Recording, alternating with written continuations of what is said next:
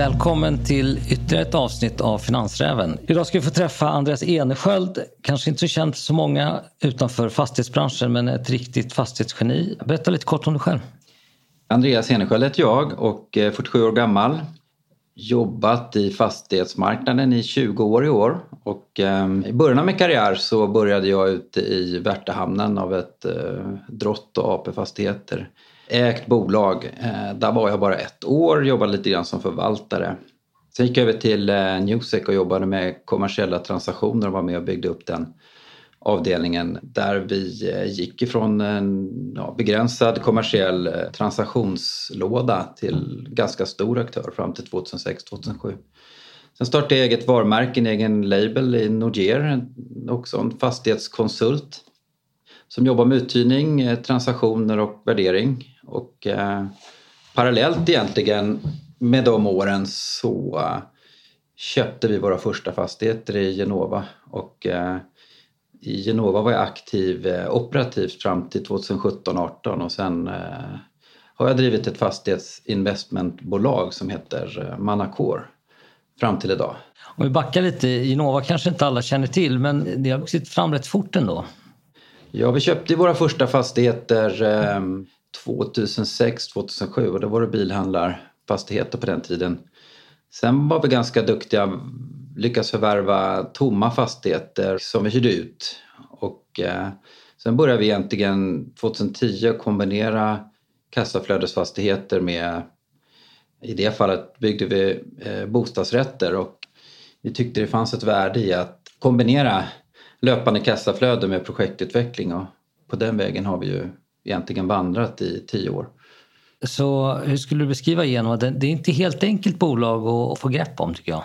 Nej, Nej men Genova är ju... Vi har ju alltid försökt köpa äldre fastigheter med potential lite grann där städer växer fram och det har blivit mycket fokus där. Vi har störst tillväxt i landet. Vi äger fastigheter i Lund, eh, Uppsala och Stockholm.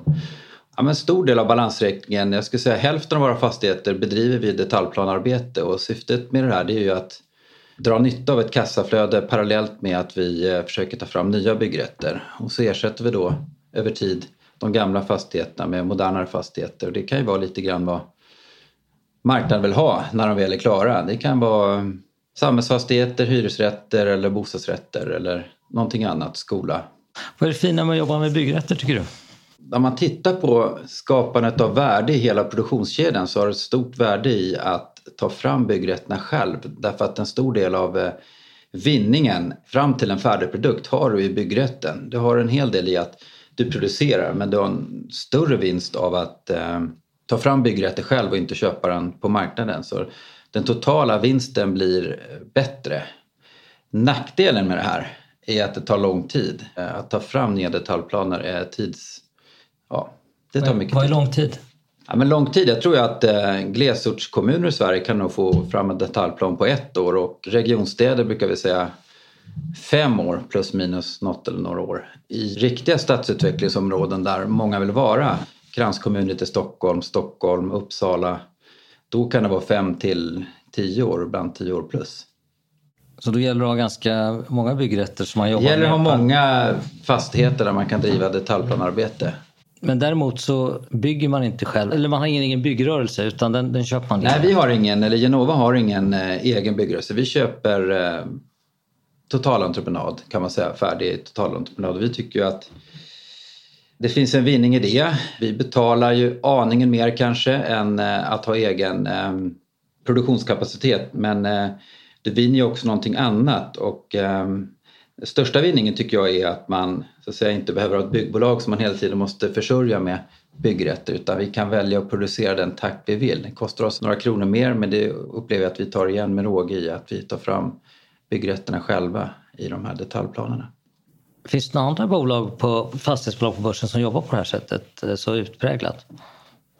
Alltså det har blivit en trend. Vi har ju gjort det väldigt fokuserat och eh, relativt sett till vår balansräkningsstorlek så ska jag säga att vi har ju detaljplanearbete som pågår i 25 av våra 50 fastigheter till grovt räknat. Men det har ju blivit en trend lite grann av flera fastighetsbolag att göra det. Då ser du ju de flesta jobbar ju med utveckling och balansräkning och eh, jag kan inte svara på riktigt hur länge de har gjort det men det är absolut en mycket större trend idag än jämfört med några år sedan. Så det är ju alla, Balder, eh, Klövern, Kungsleden och så vidare. Kanske för tydlighetens skull ska jag säga att du inte har en operativ roll idag i Innova men du sitter i styrelsen och har ett ganska stort ägande. Ja det stämmer. Jag var ju aktiv i stort sett från starten. Om man tar lite kort om det så um, vår allra första eh, start egentligen med Genova. Vi köpte ju några bilhandlarfastigheter och tanken var ju att sälja dem där lite dyrare men det gick inte den marknaden som vi gav oss in i 2007 utan vi behöll dem där. Från allra första dagarna hade jag inget ägande utan jag köpte in mig i takt med att vi inte lyckades sälja de här första fastigheterna. Efter det så började vi två så att säga, storägare då, då jobba vidare med det här och köpte på oss fler och fler fastigheter. Egentligen tog det väl fart dels 2010 när vi eh, skaffade oss egentligen två ben, kassaflöde och utveckling av bostadsrätter. Sen gav vi oss in i kapitalmarknaden 2015 och det var ett nytt steg det också. Då gav vi oss in och um, löste finansieringen med en preferensaktie och det är faktiskt femårsdag idag. Mm -hmm. på den. Men då tog liksom bolaget uh, ordentlig fart. Då hade vi knappt en miljard i tillgångar. Då har vi tillgångar på över fem miljarder i alla fall. Uh, men 2017 lämnade jag operativt min vd-roll och ehm, nuvarande vd tog då över. Sen dess har jag varit ledamot och egentligen passiv i bolaget. Men du har inte lämnat fastighetsmarknaden? Nej, jag har inte gjort helt utan då bedriver jag ett eh, fastighetsinvestmentbolag som man kallar då Manacorp. Där rör jag mig egentligen mellan noterade fastighetsaktier, stamaktier, eh, preferensaktier, obligationer ibland och eh, det är då det som är det noterade kan man säga. Sen så när jag hittar som jag tycker kanske det roligaste att hålla på med direktägda fastigheter med lite potential, då förvärvar vi dem. Så jag rör mig egentligen mellan eh, indirekta och direkta investeringar. Allt egentligen inom fastigheter. Om vi stannar och tittar lite på noterade fastighetsaktier som du håller på med. Vad tittar du på när du bedömer om du ska gå in i en fastighetsaktie eller inte? Min första är nog humankapital. Jag gillar ju att känna till vilka eller vem som driver bolaget och står bakom det. Och vill ju gärna känna en trygghet i att det är en duktig person eller ett duktigt gäng. Ja, men sen eh, tycker jag det är roligt alltid att investera i lite mindre bolag som kan ha en starkare tillväxtresa än de riktigt stora. Jag är ju väldigt mån om vad man gör i fastighetsbranschen så, så att säga, inriktning i kombination med flöde är viktigt för mig. Eh, och det där kanske är en egen personlig värdegrund men jag gillar ju eh, någonstans eh, tillväxtorter jag gillar lagerlogistik, jag gillar eh, viss kontor och så vidare. Så det tittar jag på, vilken eh, användning man har, vilka orter man befinner sig på. Bostäder är ju i ropet. Det är ju eh, låg risk men det är också lite sämre flöden så det har jag tittat på då och då men är kanske ingen stor investerare i bostadsbolag. Har du några fastighetsfavoriter just nu på aktiesidan? Alltså? Ja, Ja, jag tror mycket på det här nynoterade Stenhus som noterades bara för några veckor sedan. Jag ser utvecklingen på det. Det är en väldigt ung, duktig VD som driver det. Jag tycker ju eh, SBB och Ilja Batljan gör ett fantastiskt jobb. och Har ägt aktier under en längre period. Eh, sen är det ju kul att följa de här, eh, tycker jag, både K-fastigheter och K2 som jag tycker gör ett strålande jobb och en otrolig tillväxtresa. Hur ser du på risken i fastighetsaktier? Jag gillar ju värdeaktier på det sättet att och fastighetsbolag som löpande tjänar pengar. Om man inte är så noggrann med eh, investeringsperioden, eh, att känna att bolaget eh, har en god omsättning, att det hela tiden tjänar pengar ger ju, tycker jag, en väldigt trygghet. Då kan man vara ganska långsiktig eller mellan mellanlångsiktig men, men någonstans så blir det ju ändå ett lågriskköp på det sättet att du någonstans lite grann kan förutse att bolaget kommer fortsätta tjäna pengar. Det är inte för högt skuldsatt. Skuldsättning är ju egentligen den största risken i fastighetsägandet. Har du en tumregel när det gäller skuldsättning? De större bolagen idag har ju ganska låg skuldsättning sett ur ett historiskt perspektiv. Många ligger ju under 50 procent. Det känns väl ganska låg risk generellt om man då jobbar med flera olika fastighetsbolag behöver man inte vara så himla orolig att köpa bolag med ja, lägre än 50% skuldsättning eller lägre än 60% skuldsättning men man befinner sig på orter där det är god tillväxt och eh, ja, ett antal eh, hyresgäster och på det sättet sprider risk. Du investerar ju direkt i fastigheter också. Vad tittar du på när du, när du gör den typen av investeringar?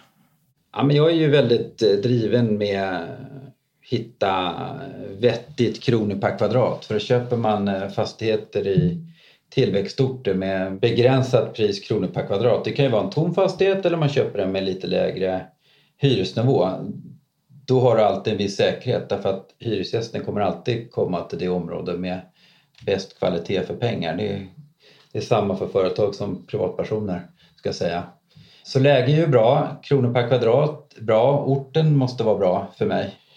Sen tittar man ju på sånt som direktavkastning, hyra och sådär. Och där gäller det att vara lite klurig och förstå sig på lite grann. Vad är marknadshyran? Vad är direktavkastningen också?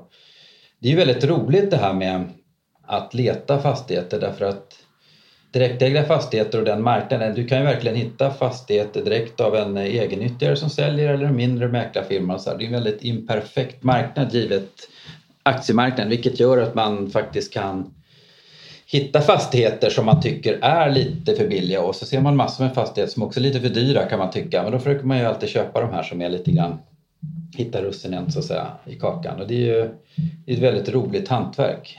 Och man kan ju på det sättet också utveckla sitt egna egna kapital snabbare än till exempel att bara investera då i noterat på det sättet. Vad, vad har du för knep för att hitta de här små, verkligen eh, köpvärda fastigheterna i en sån marknad? Om man utgår från att det inte är perfekt genomlysning. Ja, Ja, men det är ju ett nätverk någonstans. Jag har ju jobbat som kommersiell mäklare i över tio år och där har man ju ett, klart ett visst nätverk. Sen gäller det att underhålla det hela tiden och det ju byts ut. Det blir nya unga mäklare och sådär så det gäller ju att känna dem, underhålla det nätverket och sen eh, jobbar vi en del med uppsökande verksamhet. Vi tittar på lägen som vi gillar och områden vi gillar och sen försöker man ta kontakt kanske med någon som äger där, någon annan som tar kontakt som känner någon och så lyckas man kanske ibland köpa någonting. Du menar att du köper ibland sånt som inte är ute på marknaden eller? Mm, det gör vi. Du säger vi, du, har du några som du jobbar med? Ja, jag har en kollega och vi sitter och jobbar egentligen heltid med att hitta förvärv, om det går då, eh, off market eller via mäklare. Men där skulle man gärna bli flera såklart. Man vill ju vara många som jagar, det är roligt.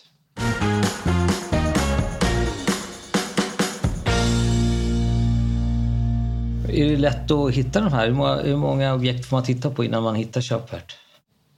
Jag skulle nog säga att man tittar säkert på 10 till 30 fastigheter så köper vi en. Någonstans ja. i det ratiot ska jag säga. Den är ju väldigt olika också. Så länge bolaget är man, man, man tittar på eh, historiskt Genovas tillväxtresa. Vi tittar ju på väldigt mycket under 50 miljoner för 7-8 år sedan. Idag kanske Genova tittar på ofta 100 miljoner plus upp till 500 som kanske är sweet spot. Medan när jag jagar fastigheter nu så kanske jag tittar på 15 till 50. Så man rör sig i olika segment. Min eh, erfarenhet historiskt är att du hittar ju ofta mer potential givet ditt egna kapital i fastighetsaffärer som är lite mindre, under 50.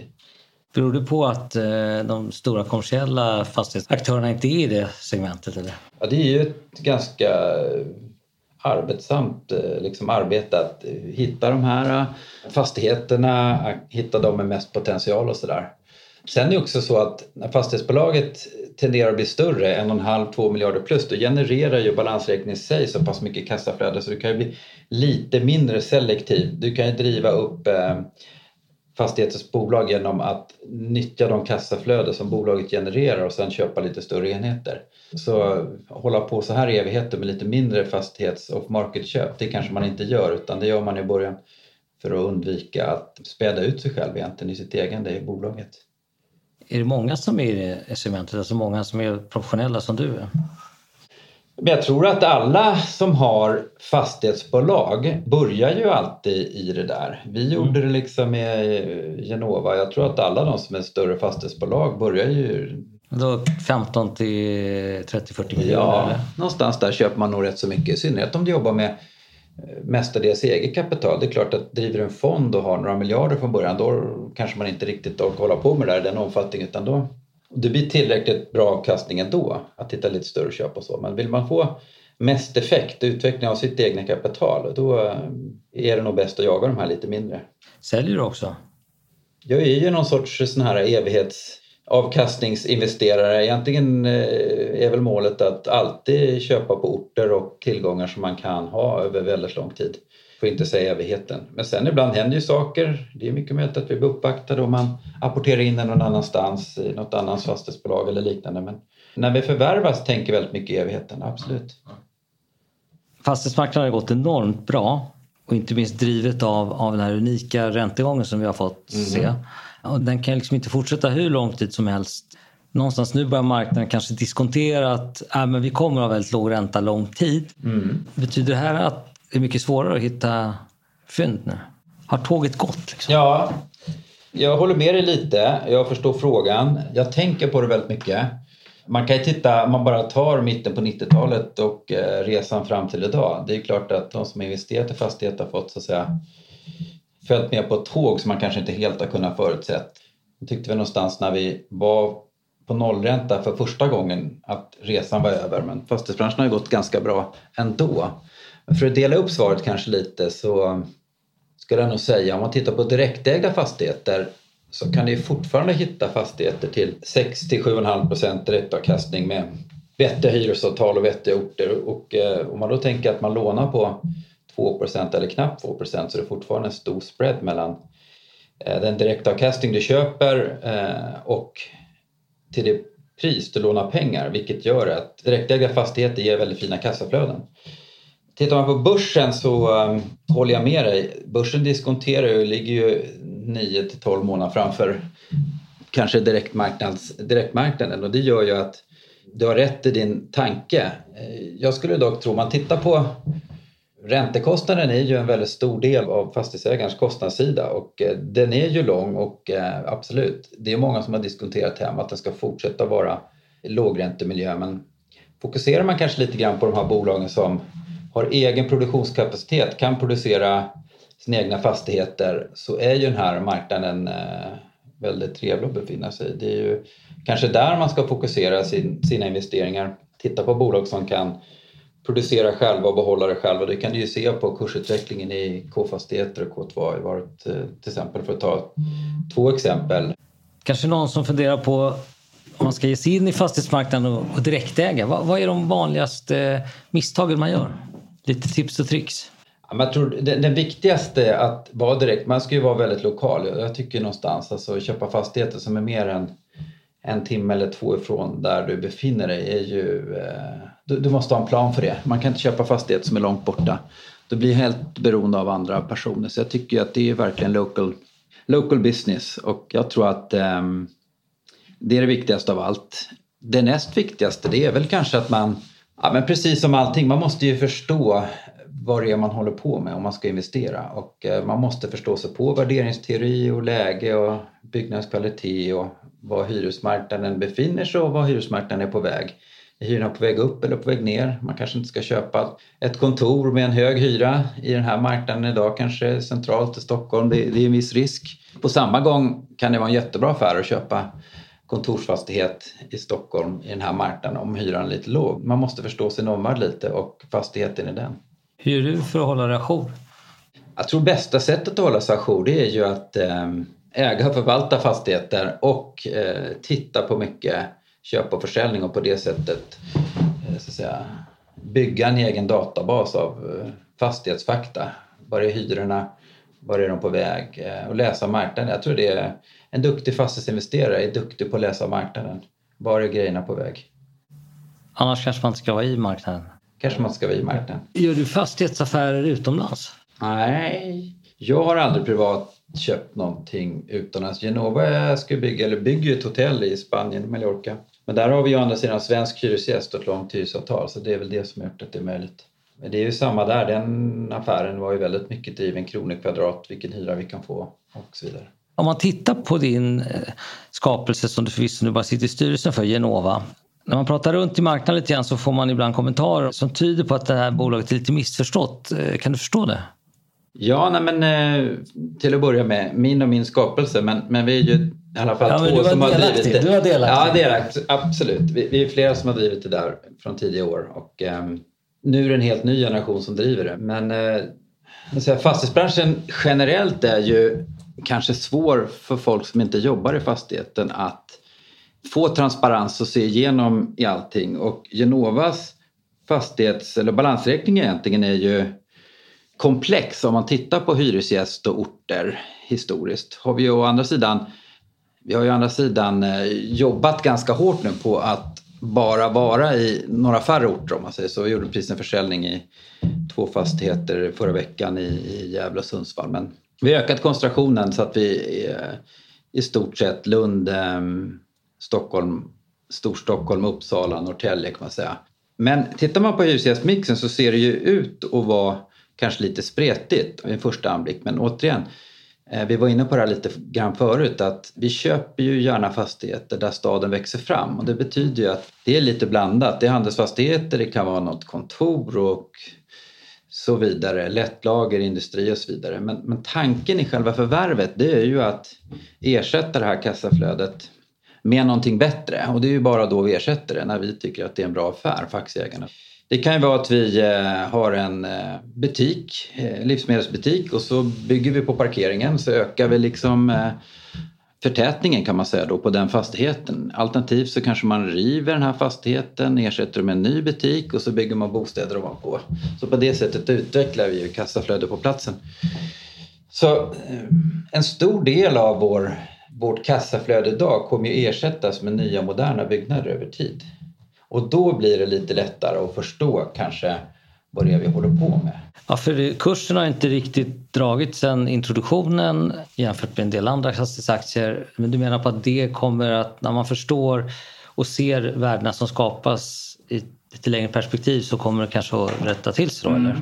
Ja, men att driva fram nya detaljplaner tar ju lång tid och vi har ju nu börjat se de första fröna. I Uppsala bygger vi ju nu eh, till exempel på Liljegatan. Det är en av de första byggrätter vi själva tagit fram som vi också kan producera. Men det kommer ju nu eh, i löpande takt nya detaljplaner som vinner lagarkraft och då kan vi ersätta dem med nya byggnader. Så jag tror att vi kommer se ett ökat tempo på utvecklingen i egna balansräkningen närmsta året här nu. Det borde ju ge oss en mer positiv utveckling på kursen. Har du behållit alla dina Genova-aktier? Jag sålde lite, lite grann, några procent i, um, i noteringar men annars har jag inte sålt och egentligen ingen avsikt att sälja någonting mer utan det kommer, vi kommer få fina flöden i min uppfattning de närmaste åren. Kommer vi se någon utdelning i aktien?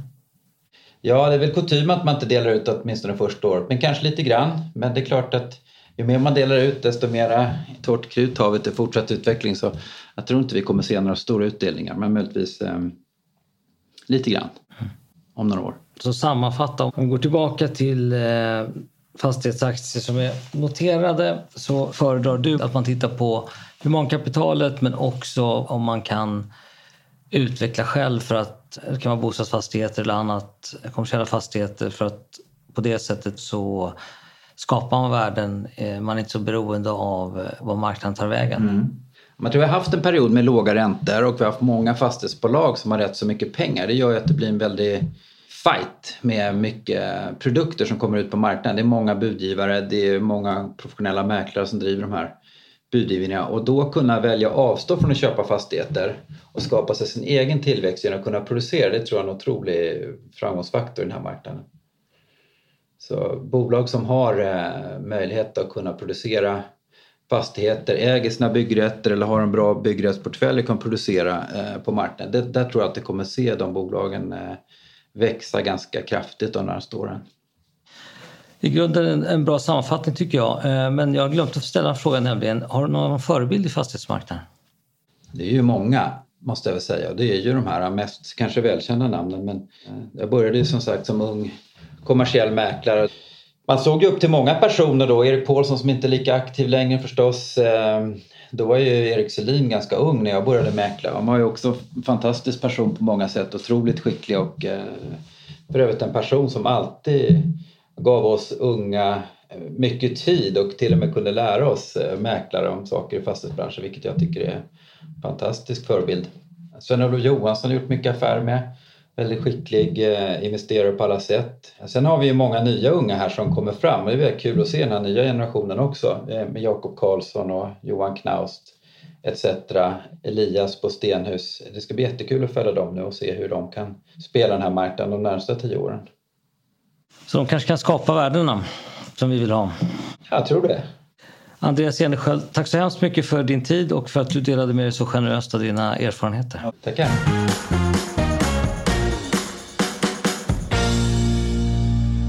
Finansräven har ytterligare en gäst och det är Christer Lindqvist, nytillträdd VD för Grängesberg Exploration. Eh, Christer, eh, berätta lite om dig själv. Ja, Christer Lindqvist heter jag, VD för Grängesberg Exploration Holding, noterat på NGMs SME-lista. Jag har ju hållit på med gruvutveckling sen, eh, ja det är väl 15 år nu, direkt då, när jag steg in i Dannemora första gången. Och innan dess så har jag jobbat med affärsutveckling och företagsledning i både små och stora bolag och min ursprung från ABB och stora projekt internationellt har jag ju med mig då som projektledningserfarenheten också då och projektfinansiering och sånt. Så det känns eh, roligt att få köra igång igen nu. Det var ju fem år senast. Jag lämnade ju Nordic Ironore för fem år sedan och trodde det var nog slutet då på min verksamhet inom gruvindustrin eller gruvutvecklingsindustrin som man uttrycker det så. Men nu är jag tillbaka. Och nu har ni apporterat in ett antal verksamheter i det NGM-noterade metallvärden som håller på med återvinning. Det här projektet består av flera olika verksamheter. Kan du berätta lite kort om det här? Jag kan väl dra lite i bakgrunden egentligen. Det triggades egentligen någon gång 2018 eh, eller 17 till och med, när man börjar märka då att LKAB börjar titta runt och inser, ja det, det indikerar att det inte finns så mycket järnmalm kvar kanske i Kirunagruvan. Och eh, samtidigt som det inte hänt så mycket i, eh, i, i mellan Sverige och i Bergslagen vad det gäller järnmalmsprojekten. Och eftersom jag då varit inblandad så länge i det här så började jag titta på det här igen. Och det var det som ledde mig in i det här. Så bildade jag Grängesberg Exploration och tog så att säga några positioner då runt Grängesberg. Och framförallt börja fokusera på ett litet projekt som då handlar om att återvinna eh, fosfor och sällsynta jordartsmetaller ur sandmagasin. Alltså de gamla sandmagasinen runt Grängesberg. Så det var så det började egentligen. Och samtidigt så har jag ju då ända sedan Dannemora gick i konkurs 2015 så har jag ju liksom haft ögonen på det. Och det hade jag även då som vd för Nordic Iron Ore egentligen jag lärde känna då den nya ägaren Pelle Berglund och vi förde en längre diskussion om det här till och från ska vi säga då. Men eh, det var först i år då som vi riktigt eh, kom överens om man säger så. Det fanns förutsättningar och Pelle hade ju gjort lite omstruktureringar i Dannemora bolaget då som han ägde då med lite hyresfastigheter och sådär. Så att det passade bra då när han hade rensat eh, ut det så att säga att nu då göra en riktig industriell satsning också i Dannemora. Och det bildade så att säga då den här lilla koncernen där Grängesberg Exploration då var, är koncernmoder då. Och det apporterade vi nu in då till gamla metallvärden då som var eh, noterat på NGMs SME-lista. Och det gjorde vi nu här i höstas och det är väldigt bra. Och ett villkor för det här var ju då också att vi skulle kunna finansiera upp då för en utveckling av, av apatitprojektet i Gränges och i Dannemora. Så det, det, har gått slag i slag här nu och det har varit rätt intensivt. Va? Men det passar bra, det är bra timing i marknaden. Priserna ligger rätt till. Vi ser en sektorrotation också mot råvaror. Vilket också är en bra timing för oss. Men nu ska ni ta in 42 miljoner i en nyemission och det är även kopplat det är genom en så kallad unit så det betyder att det är förutom nyemissionen då, som är en företrädesemission så är det två långfristiga optioner som gör att ni kan ta in kapital ytterligare två gånger. Vad ska ni göra med, med, de, här pengarna?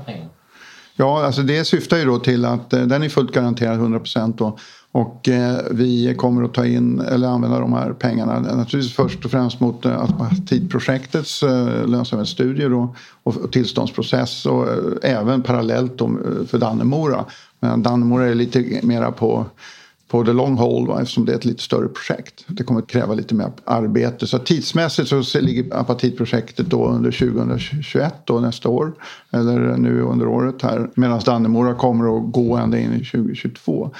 Och vi räknar ju då med att eh, kunna ha en hel del intressanta nyheter kring projekten under året här. Och eh, vi hoppas ju då att eh, teckningsoptioner också kickar in. De är ju prissatta på ett eh, kan vi säga, förhållandevis gynnsamt sätt för att det ska liksom bli intressant att vara med på den här resan. För som sagt, förutsättningarna har aldrig varit bättre för den här typen av projekt. Både återvinning då, men inte minst då för det större projektet Dannemora. Kan du berätta lite grann om återvinningen? För den borde ju rimligtvis dra ner risken lite grann i verksamheten. Jo, det gör den ju. Vårt lager då i form av sand, anrikningssanden, den ligger ju på backen så att säga redan i ett sandmagasin. Och den processanläggning vi kommer att bygga den ligger egentligen bara ett par hundra, eller bygga, det finns en byggnad redan som vi då eh, arrenderar. Där kommer vi då ställa in den här flottationsprocessen, då, flottationsverket ska man kanske säga som då ska flottera ut då apatiten. Och det är en ganska enkel process, den är hyfsat billig också. Och med apatiten följer då sällsynta jordartsmetaller i apatiten och det kommer vi då kunna leverera då ut på järnväg direkt och den järnvägen ligger precis eh, ja, bredvid processanläggningen som vi bygger. Så att hela logistiken för det här är väldigt gynnsam också. Så att risken här är ju låg egentligen. Vi vet ju att apatit producerade man tidigare i Grängesberg. När Grängesbergsgruvan var i drift fram till 89. Det var den högsta kvaliteten man producerade så att eh, kunderna som bland annat var Norsk Hydro på den tiden de eh, ser ju gärna att det här kommer igång igen. Ja, ni har haft kontakt med dem eller? Vi säger så här att eh, det går för händelserna i förväg så kan vi säga att det finns ett stort intresse för just apatit. Den här kvaliteten av apatit som kommer ur Grängesberg. Och det finns flera intressenter runt det här. Alltså kunder då som gärna ser att det här kommer i drift. Och det beror ju på att eh, man hade ju hoppats på att LKAB, och det kan man väl säga också att LKABs projekt uppe i Malmfälten vi gör ju samma sak egentligen. Det är bara att de tar det direkt ur produktionen och väntar med sina sandmagasin. Eh, och plockar ut apatiten den vägen. Men de kommer ju bli en stor producent av apatit också. Men den har de ju för avsikt att, så att säga, slutförädla ända till en eh, konstgödselprodukt. Så de blir ju konkurrenter med våra potentiella kunder. Och eh, den här apatiten som vi då producerar blir då högintressant. För att de hade ju hoppats på att den apatiten som skulle kommit ur Malmfälten skulle de ha kunnat förvärva då, eller köpa. Men det kommer de inte åt nu då, genom det här projektet som LKAB har. Va? Och det är rätt intressant för oss då att eh, just ha den här lilla fina förekomsten då. Va? Och långsiktigt så finns det ju ännu mer att hämta ur gruvan i Grängesberg. Va? Men det är, det är ett längre projekt. Va? Och då blir vi en stor producent av apatit som biprodukt av järnmalm i sådana fall. Du säger stor producent, vad, vad kan en sån här verksamhet omsätta? Ja, vi har väl sagt så här att det kan ligga någonstans runt 70-80 miljoner till kanske 100 beroende på priser. Va? när vi pratar om Dannemora-projektet då är det en helt annan dignitet. Då pratar vi om en miljard i omsättning ungefär va? per år som det ser ut. Då. Vi räknar ju när vi tittar på Dannemora-projektet så vet vi ju idag sen tidigare, den senaste produktionsperioden då fram till 2015, då producerar man ju 3 miljoner ton råmalm ur gruvan. Och det kan ju vi fortsätta göra. Man lämnade ju egentligen där man stod nere i den här moderna gruvan. Så egentligen så är det ju så att eh, det är bara att åka ner igen och fortsätta där man slutade. Va? Vi behöver inte göra några större anpassningar av gruvan. Det finns stora investeringar redan gjorda som inte vi behöver göra längre. Vi kan nyttja dem. Är den vattenfylld gruvan? Eller? Ja, den håller på att vattenfyllas men vi tittar ju nu på att eh, liksom då begränsa tillrinningen. Då. Så att gruvan är ju inte alls på långa vägar vattenfylld utan den ligger på 370 meters nivån just nu. Va? Så det är, det är mycket kvar innan den ska fyllas. Och vi kommer att titta på också hur, hur vi ska hantera den här ah, tillrinningen in i gruvan. För det är dagvatten som rinner in. Va? Det är alltså inte grundvatten utan det är dagvatten. Så att eh, tillståndsprocessen är hyfsat enkel där. Då. Jag vet ju det sen förra gången vi höll på med Dannemora för då var jag med i tillståndsprocessen där. 2006, 2007 då när jag var inblandad. Det har varit generellt sett ganska svårt för gruvorna i Bergslagen att få lönsamhet inklusive Dannemora mm. eh, första gången i alla fall. Mm. Kan du bara kort berätta vad det är som gör att det ska bli lönsamt den här gången? Ja, alltså man kan säga så här då. För att börja hur det gick då fram till 2015 så var det så att Dannemora startade ju, om vi tittar på Dannemora och järnmalmsgruvan där, så startar man ju med en produktmix då, som var samma som när man la ner 1992 när SSAB la ner gruvan. Och man valde då visade sig vara felaktigt då att satsa på samma produktmix, alltså en enklare lågförädlad järnmalm. Och det ledde ju till de svårigheter som sen ledde fram till konkursen 2015. Man hade dålig timing för kunderna, alltså marknaden efterfrågade högförädlade järnmalmsprodukter. Och det klarade man inte av med den installation som man hade gjort då i Dannemora Minerals eh, regi. Så att förutsättningen nu för oss det är ju då att göra om och göra rätt. Det vill säga göra om det som var bra men göra rätt där man missade. Det vill säga höganrika järnmalm, råmalmen ifrån gruvan till den absolut bästa kvaliteten man kan få ut genom anrikning. Då. Och det vet vi ju att eh, Dannemora kan anrikas upp till över 65 procent. Normalt sett om man jämför med våra vänner uppe i Pajala den gamla, gamla Northland va? som gick i konkurs egentligen samtidigt med Dannemora. De hade ju alltså en produktion av absolut toppklass av järnmalm då, alltså ett järnmalmskoncentrat på 70 procent ungefär. Och det är där man ska ligga, eller i alla fall över 65 procent. Och då ska man jämföra med vad Dannemora producerade. Det låg på 50 till 55 procents järnhalt. Sen fanns det väl vissa fördelar med den men det var inte alls så att det gick att sälja det där till någon, någon bra pris. Va? Och det gjorde ju att man hade ju samma kostnader för brytning och så vidare. Och det kommer vi också ha. Vi vet ju vad kostnaderna är för brytning av råmalmen i Dannemora. Men nu kan vi höganrika och vi ser ju en Skillnad mellan den produktmixen och det vi bedömer vi kan producera, det vill säga över 65 procents järnhalt. Och det är 60 procents prisskillnad, alltså, eller premie för högre kvalitet. Så att det är klart vi ska satsa på det. Och det är det som är den stora potentialen. Och då blir Dannemora en höglönsam gruva på grund av låga investeringskostnader. Så capex är låg, det kan man konstatera. Ja. Du snuddade vid förut infrastrukturen. Mm. Kan du berätta något om den? För det är ändå ganska centralt när man håller på med den här verksamheten. Mm. Apatiten den har ju i Grängesberg i alla fall, om jag går tillbaka till, till återvinningsprojektet så är den väldigt, väldigt strömlinjeformad. Så att där har vi den bästa logistiken vi kan tänka oss. Och det gäller även Dannemora. Och i Dannemora så är det ju så att vi har modern gruva och sen så finns det en installerad gruv eller malmhiss som aldrig togs i drift. En lönsam järnmalmsgruva ska alltså från brytningsrummet, från fronten, i råmalmsfronten hela vägen upp ur gruvan med en hiss upp till anrikningsverket och sen en höganrikningsprocess i anrikningsverket ut på en järnvägsvagn och så till en hamn som då ska kunna lasta ut och ta malmen ut i världen. Och allt det här finns i Dannemora. Vi har alltså en modern gruva, vi har en modern malmhiss. Vi kommer att bygga ett helt nytt anrikningsverk, alltså sätta in de rätta maskinerna huset har vi va, redan. Va? Så att det, det är egentligen bara att sätta in maskinerna. Sen har vi en högmodern järnväg ut till Hargshamn. Och i Hargshamn finns det en helt modern vagnsmottagning och lastningsanordningar. Så att där investerade ju då hamnägaren, som är kommunen faktiskt, eh, över 80 miljoner och de kommer att anpassa den ytterligare då för den här nya produkten som kommer. Så att, fantastiskt. Dessutom, om vi pratar om timing Sjöfartsverket har nu fördjupat inseglingen, alltså farledningen in till hamnen. Så nu kan man ta in dubbelt så stora båtar som man kunde göra 2015 när Dannemora Mineral var igång. Så nu kan vi få mycket lägre utskeppningskostnader också.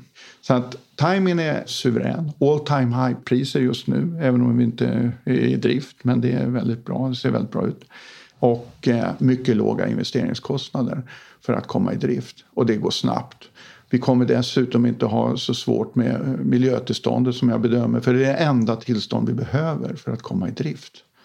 Vi har alla andra tillstånd vilket då gör att eh, vi kan spida på det här projektet ganska rejält. Va? Men som sagt, en sak Du ser att det kommer gå fort. Nu är du bergsman. För oss vanliga människor så kanske inte det är så fort ändå. Vad, vad ska man ha för tidshorisont? Mm. Jag skulle säga så här 2024 är ett realistiskt eh, tid för start på Dannemora igen. Och, och hur mycket mer kapital behöver man ta in tror du för att det ska börja snurra ordentligt? Jag säger så här att det kommer ligga under 800 miljoner. Vi har ju sagt 800 miljoner som ett riktmärke. Men det bygger egentligen på ganska konservativa antaganden.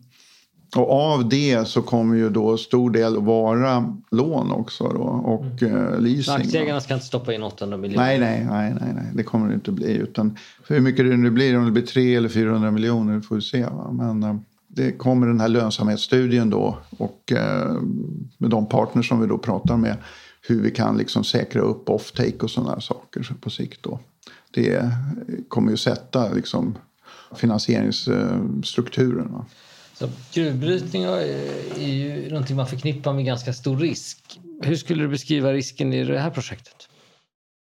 Ja, alltså att det finns risker det gör det ju alltid i sådana här projekt. Men eh, om man jämför med projekt runt om oss så, så är de här projekten låg risk. Va? Och det har ju också varit ett, ett, ett skäl till varför jag har strukturerat på det sätt som jag har gjort då med, med apatiten som ligger först och sen så nu när vi kom överens om Dannemora. För det är också ett lågriskprojekt i förhållandevis till, till en de här andra projekten som kräver mycket, mycket större investeringsbehov för att ens komma igång. Va? Det här är en modern gruva i Dannemora. Vi har all dokumentation sedan driften tidigare. Malmkroppen är väl känd. Det finns risker men de är hanterbara på ett annat sätt och de är inte okända. De här riskerna som kan finnas runt eh, gruvan. De går att hantera och det ligger ju med i den här kalkylen också. Då. Och när det gäller apatitprojektet så är ju egentligen eh, det är ju ett eh, mera, kan vi säga, det är ett återvinningsprojekt. Va? Och eh, risken där är ju naturligtvis lite annorlunda. Men i och med att det är ett mindre projekt så är så att säga risk, kostnaden för risken är mycket mindre också i sådana fall. Va? Så att, och även där kan vi ju då hantera risken genom att göra riktiga processtester framför allt. Va? Och eh, det är det vi kommer att göra och det är precis det vi kommer starta med här efter, ja, på nya året egentligen. Både i Dannemora och uppe i Grängesberg. Eh, du är vd och ganska stor ägare och med är, du nämnde Per eller Pelle Berglund. Han går in som ordförande. Mm. Hur stor ägare är ni i det här? Vi kommer äga ungefär 40 procent och drygt 40 procent av bolaget efter emissionen är genomförd här nu då, i januari. Då. Och det, det gör ju naturligtvis att eh, engagemanget är ju eh, ännu större. Mycket skin in the game som man säger. Ja, det är det ju. Va? Det är både kapital och, och engagemang och, och, arbete som är nedlagt här. Va? Och i Dannemora så är det ju mycket investerat sedan tidigare också då i, eh, i form av, ja, när Pelle köpte ut konkursboet då framför näsan på mig ska vi säga också då. Det var på den tiden jag var ordförande i Copperstone eh, Resources och vi försökte ju faktiskt köpa det då. Men eh, Pelle kom ju in från höger där och, och, köpte det framför näsan på oss. Och det var nog tur det ska jag säga att det var så. För att eh, han kunde ju strukturera om så att säga verksamheten där. Så att nu är det bara ett industriprojekt och inte någonting annat. Tidigare så fanns det ju även hyresfastigheter med och sånt där. Och det, ja, det, det, det, kräver ju sin, eh, sitt engagemang och kostnad också naturligtvis. Spännande att höra om projektet här, eh, Christer. Tack för att du eh, vill besöka oss och vi ser fram emot att följa det här. Tack så mycket. Tack.